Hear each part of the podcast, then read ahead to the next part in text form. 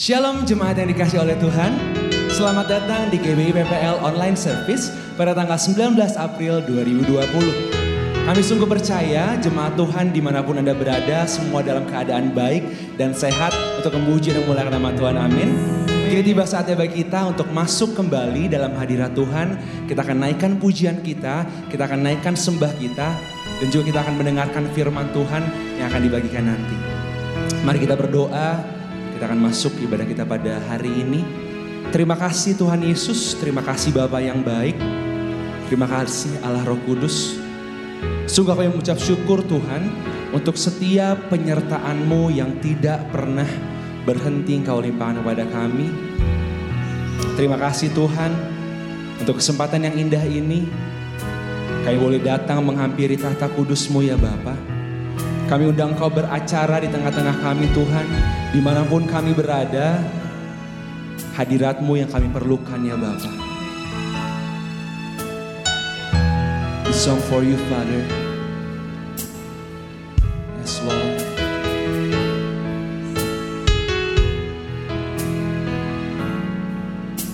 Tuhan hadir di bait kudusnya Saat umat mencari wajahnya. Berseru, berdoa, bersujud menyembah Dan menikmati kehadirannya. Tuhan mau dekat dengan umatnya Yang datang dengan segenap hatinya. Berseru, berdoa, bersujud menyembah Dan menikmati kehadirannya.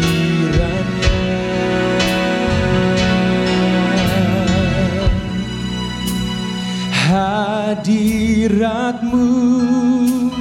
memenuhiku. Hadirat kudusmu penuhi baitmu Dan ku tersungkur menyembahmu. Yang ku nampak hanya kemuliaanmu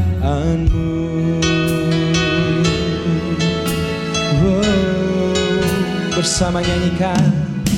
Tuhan hadir di bait kudusnya. Amin Tuhan. Saat umat mencari wajahnya. Berseru, berdoa bersujud menyembah dan menikmati kehadirannya. Tuhan mau dekat dengan umatnya. Mari datang, datang dengan segenap hatinya. Berseru, berdoa, bersujud menyembah menikmati kehadirannya.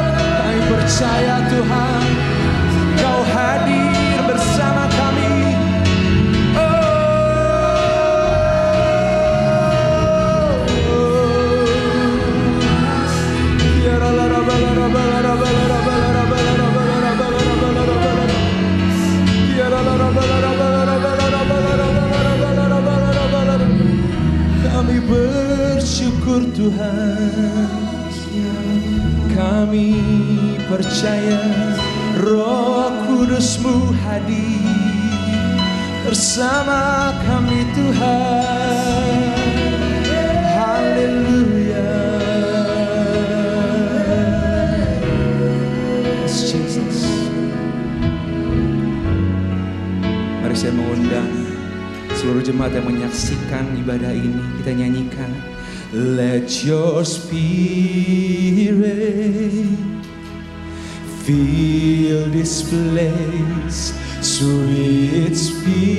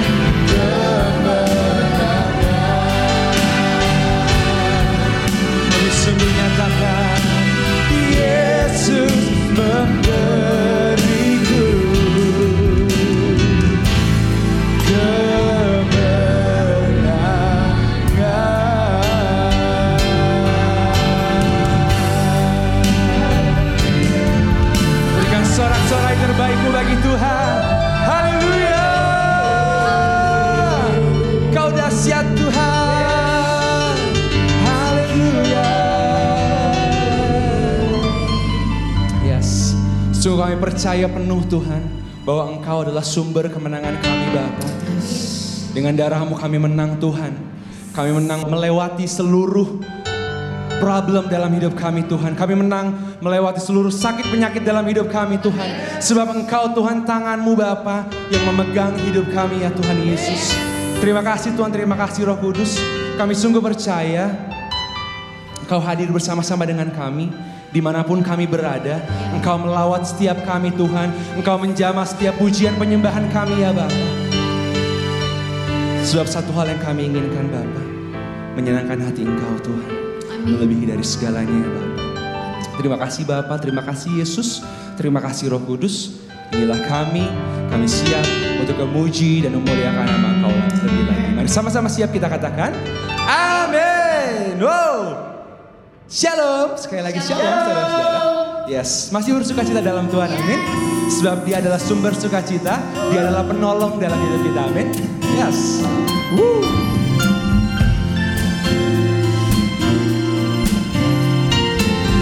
Yes, Jesus. Katakan kecaplah, kecaplah dan lihatlah betapa baiknya Tuhan itu rasakan dan nikmati kasih setia Tuhan. Wow, kecaplah dan lihatlah kau begitu baik Tuhan, baiknya Tuhan itu rasakan dan nikmati kasih setia Tuhan.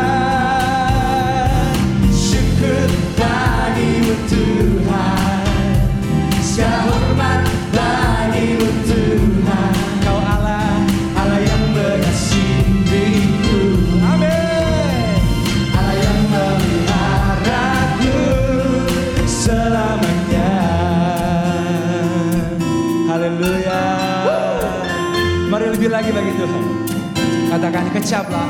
Come on now.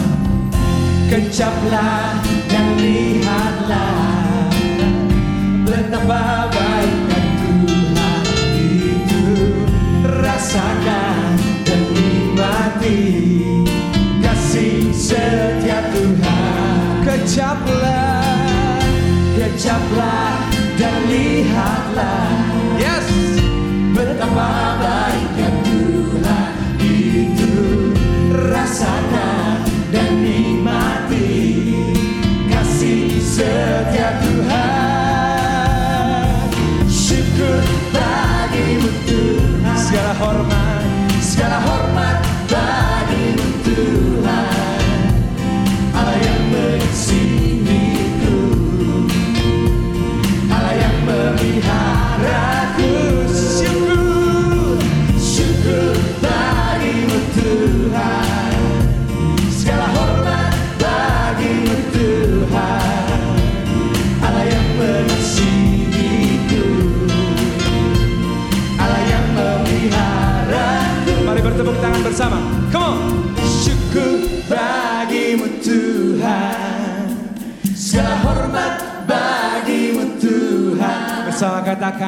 Allah yang mengasihiku, Allah yang memeliharaku, Allah yang memeliharaku.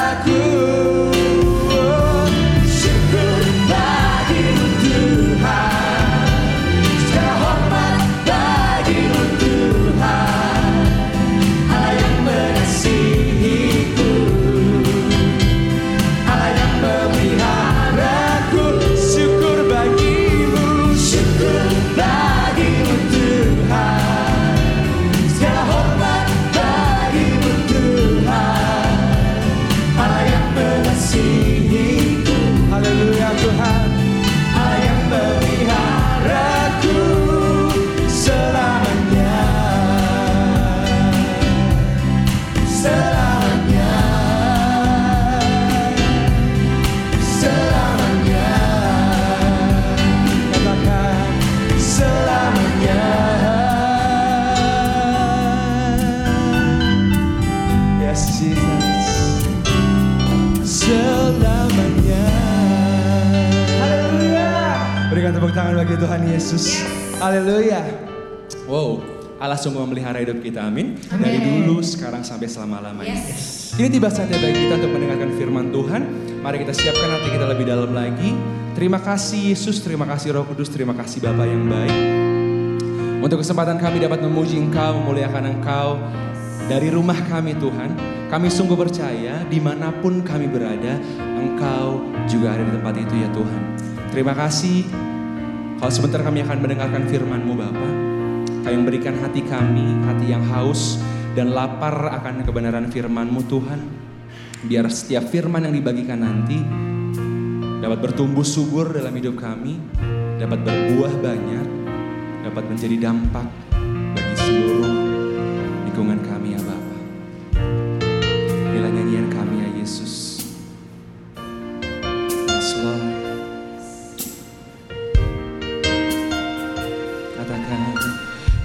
kuasamu nyata di dalam kelemahanku.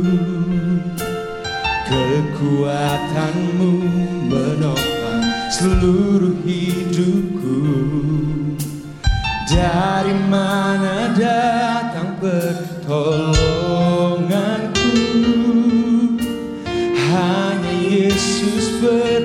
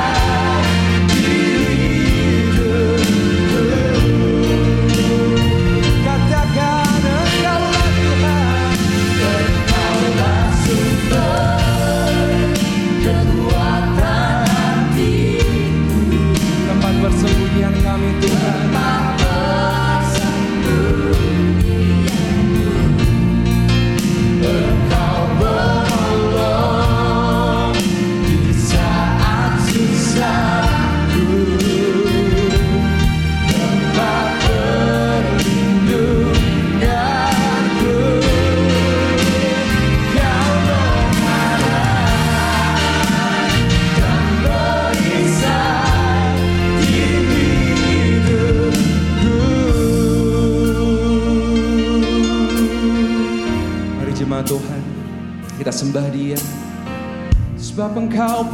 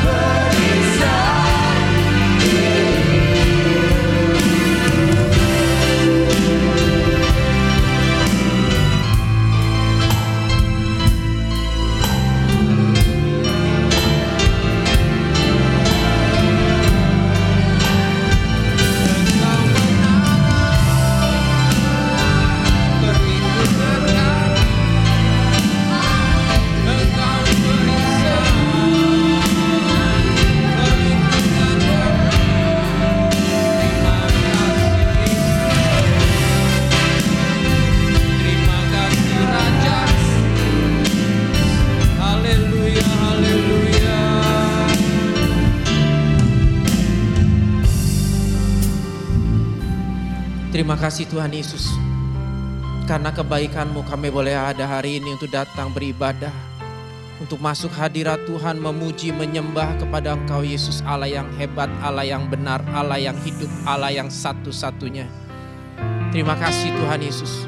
Biar setiap pujian pengagungan yang kami naikkan kepadamu itu menyenangkan hati Bapa di surga. Saatnya kami mau mendengarkan firman-Mu Tuhan. Berfirmanlah buat setiap kami. Karena kami sangat memerlukan firman Tuhan dalam hidup ini. Berfirmanlah, Roh Kudus beracaralah hebat Urapi kami semua supaya kami bisa mengerti firman Tuhan dan melakukannya dengan tepat. Berfirmanlah di dalam nama Yesus kita yang siap mendengarkan firman Tuhan dengan semangat katakan amin. Ya. Shalom Bapak Ibu Saudaraku, apa kabarnya? Kiranya kita semua sehat-sehat saja sehingga kita bisa mengikuti ibadah juga hari ini. Masih sabar Bapak Ibu Saudara tinggal di rumah? Dua minggu pertama kita sabar, sekarang sudah sebulan. Apakah masih sabar Bapak Ibu Saudaraku? Kita mungkin katakan aku sehat-sehat saja kok. Kenapa sih emang kalau keluar rumah aku sehat-sehat aja? Kerjaanku jadi banyak terbengkalai karena di rumah aja. Ngapain di rumah terus? Selama pemerintah belum mengizinkan Bapak Ibu, tetaplah tinggal di rumah. Karena dengan kita tinggal di rumah, kita sabar-sabar, belajar sabar untuk tinggal di rumah, kita sedang melakukan sebuah perbuatan, kita sedang melakukan sebuah tindakan yang menjadikan iman kita ini sempurna Bapak Ibu Saudara. Yuk kita mau lihat sama-sama. Yakobus 2 ayat 22 sangat jelas mengatakan begini. Kamu lihat bahwa iman bekerja sama dengan perbuatan-perbuatan dan oleh perbuatan-perbuatan itu iman menjadi sempurna. Jadi selama ini kita jadi orang yang percaya, jadi orang yang beriman, rajin ibadah itu bagus. Tetapi apa apakah ada perbuatan-perbuatan kita yang sesuai dengan iman percaya kita Bapak Ibu Saudara? Ayat Yakobus 2 ayat 26 bilang gini, sebab seperti tubuh tanpa roh adalah mati, demikian jugalah iman tanpa perbuatan adalah mati. Ayat 17-nya kan bilang begini, jika iman itu tidak disertai perbuatan, maka iman itu pada hakikatnya adalah mati. Kalau iman tidak disertai perbuatan, iman itu mati. Sebaliknya, jika iman kita disertai perbuatan kita, maka iman kita adalah iman yang hidup Bapak Ibu Saudara. Yang setuju katakan. Kalau iman kita hidup, artinya iman kita sedang bertumbuh. Kalau iman kita hidup, kita sedang dalam proses bertumbuh iman kita menjadi semakin sempurna. Mengapa taat pada aturan pemerintah adalah sebuah tindakan yang menjadikan iman kita sempurna? Karena ketaatan kita pada pemerintah adalah ketaatan kita pada firman Tuhan. Itu tidak bisa tidak bisa dipisah-pisah. Ketaatan kita kepada pemerintah adalah sebuah ketaatan kita pada firman Tuhan yang kita percayai Bapak Ibu Saudara. Roma 13 jelas bilang begini, Roma 13 ayat 1 dan ayat 4 tiap-tiap orang harus takluk kepada pemerintah yang di atasnya. Sebab tidak ada pemerintah yang tidak berasal dari Allah. Dan pemerintah-pemerintah yang ada ditetapkan oleh Allah. Ayat 4 bagian A bilang begini. Karena pemerintah adalah hamba Allah untuk kebaikanmu. Kebaikan kita semua pemerintah itu ada karena dia adalah hamba Allah. Karena firman Tuhan mengatakan pemerintah yang ada itu berasal dari Allah, kita harus menaklukkan diri kita kepada pemerintahan yang ada. Karena pemerintah adalah hamba Allah. Pemerintah mengatakan kita harus tinggallah di rumah. Ya tinggallah di rumah. Hari-hari ini pemerintah mau kita semua saudara dan saya pakai masker kalau ke mana-mana. Ya pakailah masker. Untuk apa? Untuk kebaikan kita. Untuk keuntungan kita. Minggu lalu saya mendengar bahwa keadaan apa? Covid udah agak menurun. Kenapa? Karena semua orang tinggal di rumah tidak menjadi media untuk terjadinya penyebaran wabah ini Bapak Ibu Saudara. Pemerintah menghimbau kita untuk belajar dari rumah. Pemerintah menghimbau kita untuk belajar dari rumah, bekerja dari rumah, dan beribadah dari rumah. Kita bisa mentaatinya. Karena iman kita adalah iman yang disertai dengan perbuatan Bapak Ibu Saudara. Jadi mau ibadah di rumah, ya oke kita ibadah di rumah. Di rumah pun Bapak Ibu percaya Tuhan Yesus hadir. Dua tiga orang berkumpul di dalam nama Yesus. Aku hadir kata Tuhan. Percayalah Tuhan hadir. Sebuah pujian bilang ketika dia tetap bekerja. Ketika kita tidak melihat dia bekerja, dia tetap bekerja.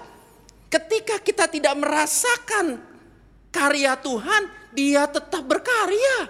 Artinya kalau dia tetap bekerja, dia tetap hadir di dalam kehidupan saudara dan saya. Nikmati kehadiran Tuhan. Di dalam ibadah-ibadahmu di rumah, nikmati. Tuhan ada di bersama dengan Bapak Ibu Saudara di rumah. Tuhan ada bersama dengan saya di sini. Artinya di mana pun orang percaya ada, di situ pun ada Tuhan. Iman yang sempurna kan iman yang berkualitas. Kalau dikatakan iman yang disertai perbuatan adalah iman yang sempurna, maka itu iman yang berkualitas Bapak Ibu Saudara. Kita ketika kita punya iman yang berkualitas, artinya rohani kita rohani yang berkualitas. Percaya kita percaya yang berkualitas. Ibadah kita ibadah yang berkualitas. Ibadah kita ibadah yang berkualitas. Kita bukan hanya sekedar ikut acara-acara yang rutinitas. Percaya kita bukan percaya yang rutinitas ternyata. Dengan kejadian ini kita mendapat sebuah pemahaman rohani kita bukan sekedar rohani yang rutinitas, tetapi rohani yang berkualitas. Sekalipun kita ibadah di rumah, kita tetap bisa ibadah, kita tetap bisa meninggikan dan menyembah Tuhan. Sebab ibadah kita ibadah yang berkualitas. Tidak bergantung kepada tempat, waktu, ataupun jarak. Tidak berkumpul dengan banyak saudara-saudara kumpul di gedung gereja. Kita tetap bisa memuji menyembah Tuhan. Kita bisa menikmati firman Tuhan dan belajar firman Tuhan. Dan belajar berbuat seperti kata firman Tuhan. Iman kita iman kepada siapa? Iman kepada Yesus. Yesus taat pada aturan. Yesus taat pada aturan pemerintah yang ada di zamannya dia. Bukan sekedar rutinitas.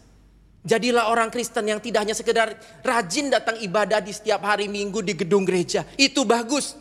Tetapi ini masanya kita menjadi orang Kristen yang berkualitas. Yang iman kita disertai perbuatan kita seperti kata iman kita. Jadi perbuatan yang menjadikan iman kita sempurna yang pertama adalah taat aturan pemerintah Bapak Ibu Saudara. Untuk tetap sabarlah tinggal di rumah. Berapa lama lagi? Berdoa saja supaya tidak terlalu lama lagi. Tapi kalau memang harus lebih lama, tetaplah sabar tinggal di rumah. Yang kedua, perbuatan yang menjadikan iman kita sempurna adalah hari-hari ini berbuatlah kasih Bapak Ibu Saudara.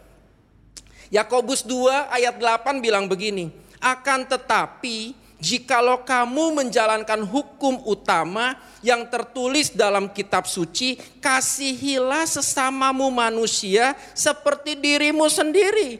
Kamu berbuat baik. Kita sering kali nanya sama hamba Tuhan, perbuatan baik apa yang harus kita lakukan? Hari ini jelas firman Tuhannya. Ketika kita bisa mengasihi sesama kita, kita sedang berbuat sebuah kebaikan Bapak Ibu Saudara. Di pesan gembala tanggal 1 April yang lalu saya menyampaikan begini. Dengan kita tinggal di rumah, kita sedang mengasihi sesama. Dengan kita tinggal di rumah, kita sedang mengasihi orang-orang yang kita cintai Bapak Ibu.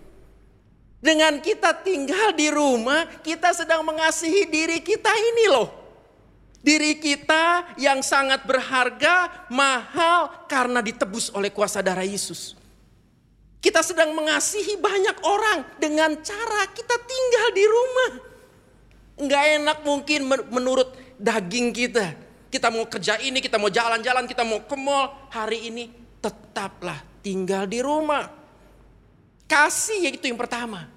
tinggal di rumah. Yang kedua yang saya mau tambahkan hari ini adalah kita berbuat kasih kepada sesama dengan cara memberi kepada orang lain. Berbagi dengan orang lain yang membutuhkan hari-hari ini. Dengan keadaan wabah seperti ini, banyak orang yang kurang mendapatkan penghasilan dari kerjanya. Kita ini saat yang terbaik untuk saudara dan saya sebagai orang pilihan, sebagai umat percaya kepada Yesus berbuat baik. Kalau kita punya banyak, kita bisa banyak bantu tolong orang. Kalau kita nggak punya banyak, Seberapa yang bisa kita lakukan untuk tolong orang? Tidak punya untuk bisa tolong orang. Bisakah kita berdoa? Bisa, nggak pakai modal berdoa. Tapi kalau kita punya harta, punya uang yang tidak banyak, sadarkah kita ketika kita bantu orang dengan uang yang sedikit ini, dengan sesuatu yang kita berikan kepada orang yang membutuhkan, kita sedang menyemangati dia. Kita sedang membantu dia untuk lewati hari ini. Kita sedang apa lagi? Kita sedang membantu bahwa pemberian kita ini menjadi penghiburan buat dia. Pemberian kita yang sedikit ini kita berikan kepada dia. Ini menjadi pengharapan buat dia bahwa esok akan lebih baik. Memberikan orang pengharapan. Masih ada orang yang peduli pada sesama. Itu menyemangati Bapak Ibu. Berbuat kasih kepada orang-orang yang membutuhkan, yang sedang kekurangan. Hari-hari ini adalah waktu yang tepat lakukan itu. Kalau kita bisa jajan untuk keluarga kita ratusan ribu, masa kita nggak bisa berbagi dengan orang 20 ribu? Mari Bapak Ibu Saudaraku, pastikan iman percaya kita kepada Yesus disertai dengan ketaatan kita kepada pemerintah. Iman kita kepada Yesus pastikan bahwa hari ini, hari-hari ini aku memberi kepada sesama, aku menolong kepada sesama. Kita bisa melihat di WA WA grup beredar orang-orang bagaimana menolong teman-teman di Jakarta. Saya lihat dia dia gantungin mie instan di pagar untuk diambil sama siapa aja. Minggu lalu sendal saya rusak Bapak Ibu Saudara. Saya lagi nungguin tukang sol yang lewat di rumah. Eh suatu pagi tukang sol itu lewat. Dipanggil sama istri saya. Saya kasih sendalnya ini rusaknya untuk dia perbaiki. Terjadi apa kesepakatan harga lalu dia mengerjakannya. Saya lagi langsung mikir di dalam saya langsung mikir berbagi sesuatu. Saya punya mie instan yang saya beli untuk saya makan. Mie instan nggak berapa, nggak nggak seberapa.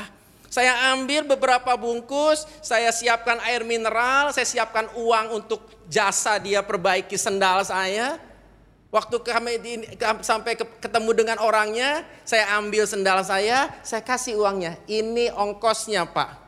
Ini air mineral. Dia terima kasih pak, terima kasih. Waktu saya bilang ini, saya kasih dia mie, mie instannya. Waktu saya berikan itu, dia punya mata tidak lepas memandang saya. Artinya, wah, mie instan loh. Saya bukan kasih dia mobil loh, mie instan. Banyak, enggak satu dus, enggak. Hanya beberapa bungkus. Itu memberi dia pengharapan. Jangan-jangan anaknya sudah menangis di rumah, tidak punya makanan. Bagaimana Bapak Ibu Saudara? Berapa banyak yang kita bisa keluarkan uang kita untuk beli ini, beli itu, beli ini, beli itu. Semua untuk saya, untuk istri saya, untuk anak saya, untuk keluarga besar saya, untuk teman-teman saya. Yang buat orang lain, apakah ada hari ini? Kemarin ya minggu lalu itu tukang sol yang tukang apa tuh yang ambil sampah di rumah Apalagi ih pemulung. Berikan tukang sayur dikasih mie instan yang beberapa bungkus. Senangnya saya di rumah seharian itu senang. Saya katakan sama istri saya, saya katakan sama anak saya, saya katakan senangnya berbagi. Berapa banyak orang yang punya banyak, mereka tidak mengalami kesukaan hati itu. Senangnya berbagi. Kata firman Tuhan yang lain. Lebih baik tangan di atas daripada tangan di bawah. Betapa sukacita ketika engkau bisa tanganmu di atas memberi kepada orang lain. Mari Bapak Ibu, kita mungkin nggak pakai masker juga nggak apa-apa. Mungkin kita nggak berbagi juga nggak apa-apa. Kita kita nggak mau tinggal di rumah juga tidak apa-apa. Tapi ada satu firman Tuhan di mana Yesus sendiri yang mengatakan, janganlah kita menjadi batu sandungan. Wow. Ketika saya dapat ayat itu, terpukul eh. Sungguh Bapak Ibu. Jangan kita menjadi batu sandungan. Kita nggak pakai masker, nggak apa-apa tuh, nggak apa-apa. Tapi orang lihatnya, ini orang Kristen ngeyel. Ini orang Kristen nggak tahu aturan pemerintah. Pemerintah udah bilang harus pakai masker. Ini orang Kristen masih keluyuran ke mana-mana. Tidak jadi berkat. Tapi dengan kita ikut aturan pemerintah, kita mau berbagi, kita sedang jadi teladan yang baik. Kita sedang menunjukkan Yesus itu berbagi. Saya pun orang Kristen berbagi. Mari Bapak Ibu. Apa yang harus kita pikirkan hari-hari ini? Kita terlalu banyak memikirkan tentang diri kita sendiri. Berhenti untuk itu. Mari berbagi. Akan kehabisan? Gak akan. Gak akan Bapak Ibu. Kita gak akan jadi miskin hanya gara-gara berbagi sekian bung, beberapa bungkus mie instan. Kita nggak akan jadi miskin hanya waktu kita parkir yang harusnya 3 ribu, kita kasih dia 10 ribu, kita nggak akan jadi miskin. Bapak Ibu pernah memperhatikan ketika orang-orang itu terima yang yang uang yang 5 ribu dari kita, yang 2 ribu dari kita, yang 10 ribu apalagi, yang 20 ribu apalagi, dia matanya berbinar-binar. Senang. Apalagi hari-hari ini Bapak Ibu. Mari saya mengajak semua kita orang percaya Buktikan imanmu pada seperti buktikan iman kita kepada Yesus, percaya kita kepada Yesus di dalam sebuah tindakan. Itu yang menjadikan iman kita sempurna. Tidak mudah hari-hari ini. Tapi percayalah ada Tuhan yang memelihara hidup kita. Pujian yang tadi terakhir dikatakan, dari mana pertolonganku? Pertolonganku hanya datang dari Tuhan saja. Ada perlindungan Tuhan atas kita. Iya, Iya, pasti. Ada penjagaan Tuhan atas hidup kita. Iya, tapi penjagaan yang kita percayai bukan untuk kita gunakan semaunya kita kita keluyuran di jalan-jalan, kita seenaknya ngobrol sama ngobrol sini. Kita tidak jadi teladan. Kita sedang jadi batu sandungan. Mari Bapak Ibu, kuatkan hati kita untuk tetap sabar tinggal di rumah. Kuatkan hati kita, ajak pasangan kita, ajak anak-anak kita untuk mari berbagi. Kita nggak makan, nggak apa-apa. Besok-besok kita masih bisa makan. Mereka hari ini nggak punya makan. Tetap bersyukur Bapak Ibu Saudaraku. Tetap bersuka cita. Tetap semangat. Tetaplah sehat. Tetaplah berbagi tetaplah tinggal di rumah. Tetaplah sabar untuk taat pada aturan pemerintah. Karena aturan pemerintah adalah aturan yang Tuhan berikan melalui pemerintah buat kebaikan saudara dan saya. Mari kita tunduk kepala Bapak Ibu. Tuhan Yesus terima kasih. Untuk karya Tuhan di hidup kami Terima kasih engkau selamatkan kami. Sehingga keselamatan yang Tuhan berikan buat kami. Itu sampai kepada orang-orang di sekitar kami. Kebaikan yang Tuhan berikan kepada kami. Itu juga sampai kepada orang-orang yang ada di sekitar kami. Bapak ibu saudaraku, kita belajar apa hari-hari ini? Dengan kejadian kita harus tinggal di rumah berminggu-minggu bahkan sekarang sudah sebulan. Kita belajar apa? Pasti ada maksud Tuhan melalui semuanya itu. Kalau di hari-hari yang lalu kita katakan, aku sibuk bekerja, aku gak punya waktu untuk keluarga. Pelayanan terus sampai gak punya waktu untuk keluarga ini kesempatan supaya kita banyak berkumpul dengan keluarga sehingga di waktu nanti pemerintah mengizinkan kita untuk kembali bisa beraktivitas bebas. Kita bisa melayani Tuhan segenap hati tanpa berkata lagi, aku tidak punya waktu untuk keluarga. Mari Bapak Ibu, tetaplah sabar. Tetaplah berdoa. Tetaplah percaya bahwa Tuhan selalu ada bersama dengan kita. Mari kita sama-sama berdoa syafaat.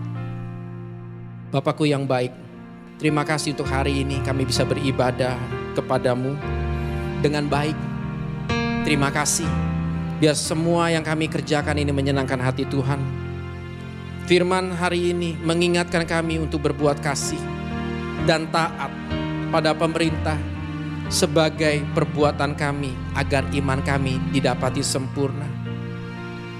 Terima kasih Tuhan, biarlah Tuhan yang selalu melindungi kami anak-anakmu yang percaya kepada Tuhan Yesus. Lindungi semua umat Tuhan yang kau kasihi. Terima kasih untuk perlindungan dan sayang Tuhan buat setiap kami. Sembuhkan yang sakit, apa pun sakitnya, di dalam nama Yesus terjadi kesembuhan buat mereka yang sakit. Termasuk yang sakit karena wabah ini. Kuasa bilur Yesus sanggup menyembuhkannya. Tuhan menolong setiap orang yang berseru kepadamu, yang memanggil Yesus, Tuhan tolong aku. Tuhan kau mendengar dan kau menjawab doa mereka. Tuhan melepaskan kota dan bangsa ini dari wabah yang sedang melanda. Semakin hari semakin banyak yang sehat. Semakin hari semakin banyak yang disembuhkan Tuhan. Lindungi dan berkati para pemimpin rohani kami. Lindungi juga tenaga medis yang harus bekerja merawat pasien-pasien yang ada. Ada penjagaan Tuhan atas seluruh tenaga medis, dokter, perawat semuanya dilindungi Tuhan, dipelihara, dijagai Tuhan. Pulihkan bangsa ini, pulihkan negeri kami, sehat kembali, pulihkan ekonomi negeri ini. Tuhan Yesus menolong bangsa kami karena Tuhan Yesus mengasihi negeri Indonesia ini. Berkati presiden dan seluruh pemimpin bangsa ini. Tuhan melindungi, Tuhan menjagai dengan kuasamu. Indonesia pulih, Indonesia diberkati, Indonesia jadi berkat bagi bangsa-bangsa lain. Di dalam nama Yesus, Allah yang sanggup membawa manusia masuk surga. Kami meminta doa ini. Mari Bapak Ibu Saudaraku kekasih, kita bangkit berdiri. Kita buka hati kita, kita mengangkat tangan kita untuk menerima berkat yang dari Tuhan. Bapak Ibu Saudaraku yang kekasih, tetaplah sabar untuk tinggal di rumah. Tetaplah berbuat kasih berbagi kepada sesama. Dan terimalah damai sejahtera, sukacita. Pastikan hidupmu berbahagia. Terima berkat yang berlimpah-limpah dari Allah Bapa di surga. Cinta kasih yang sempurna dari Tuhan Yesus Kristus. Penyertaan dari roh kudus menyertai kita mulai saat ini sampai selama-lamanya. Di dalam nama Tuhan Yesus Kristus kita yang sudah terima berkat Tuhan katakan amin. Sampai ketemu lagi Bapak Ibu Saudaraku. Sampai waktunya Tuhan melalui pemerintah mengizinkan kita untuk kembali kepada gereja, untuk kita datang ke gedung gereja untuk beribadah. Kita bersama-sama beribadah, kita bekerja, kita usaha, tetap sehat Bapak Ibu Saudara. Tuhan Yesus memberkati kita semua.